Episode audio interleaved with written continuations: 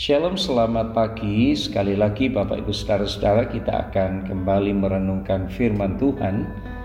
Dan hari ini kita akan mendengar firman dengan judul Perhatikan dan Awasilah Ajaranmu.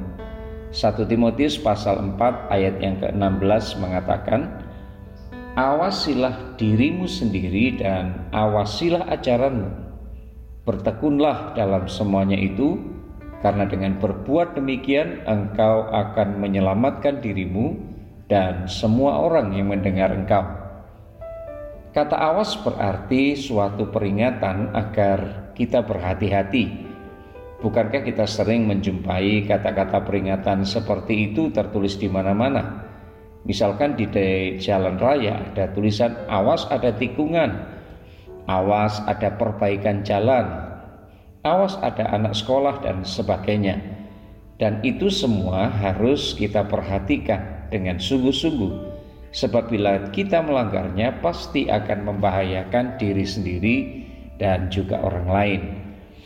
Bapak Ibu Saudara yang dikasih Tuhan, firman Tuhan menasihati kita untuk kita mengawasi diri sendiri terlebih dahulu, bukan orang lain.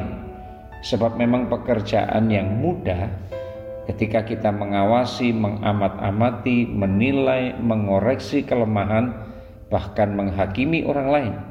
Sebaliknya untuk mengawasi diri sendiri dan bercermin pada diri sendiri tidak semua orang mau melakukannya.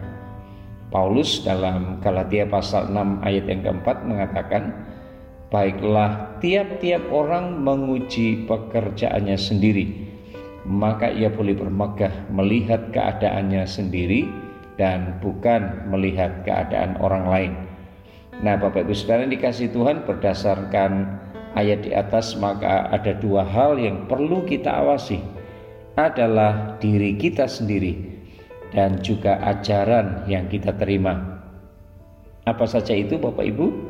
Paulus katakan jadilah teladan bagi orang-orang percaya dalam perkataan, dalam tingkah lakumu, dalam kasihmu, dalam kesetiaanmu dan dalam kesucianmu. 1 Timotius pasal 4 ayat yang ke-12b. Jadi bagaimana dengan perkataan kita? Yang kita perkatakan itu menunjukkan siapa kita. Kata-kata firman yang membangun, menguatkan, dan memberkati orang lain ataukah kata-kata sia-sia yang terlompat terlontar entah itu umpatan, kutuk dan sebagainya. Nah, bagaimana dengan tingkah laku kita? Sejauh mana tingkah laku kita tidak menjadi batu sandungan bagi orang lain? Bagaimana dengan kasih kita?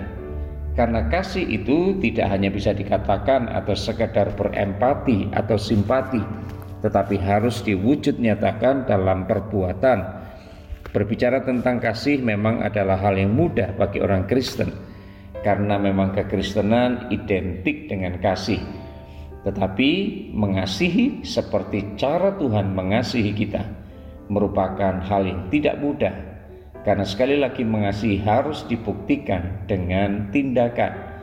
Mengasihi dengan memberi harta kita, mengasihi dengan mengampuni kesalahan orang lain, mengasihi dengan mengorbankan perasaan dan harga diri kita untuk orang lain mengasihi dan mengalah untuk mendapatkan bagian yang lebih sedikit dari orang lain, mengasihi dengan tetap ramah terhadap orang yang sinis dan cuek terhadap kita dan sebagainya.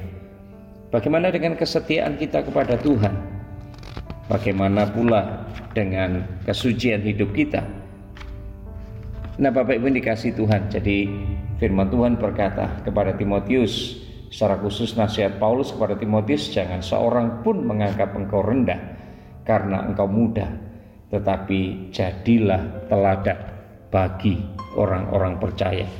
Jadi Bapak Ibu, saudara dikasih Tuhan, kriteria utama seorang pelayan Tuhan atau pemimpin rohani adalah memiliki keteladanan hidup dan kekuatan keteladanan ini melebihi kekuatan kata-kata kita. Kiranya Tuhan memberkati saudara dan saya. Selamat pagi, selamat beraktivitas.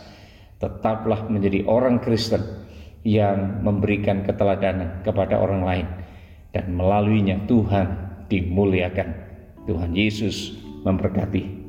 Terima kasih saudara sudah bergabung bersama keluarga besar GSJ Yesus Kristus. Sampai jumpa, Tuhan memberkati.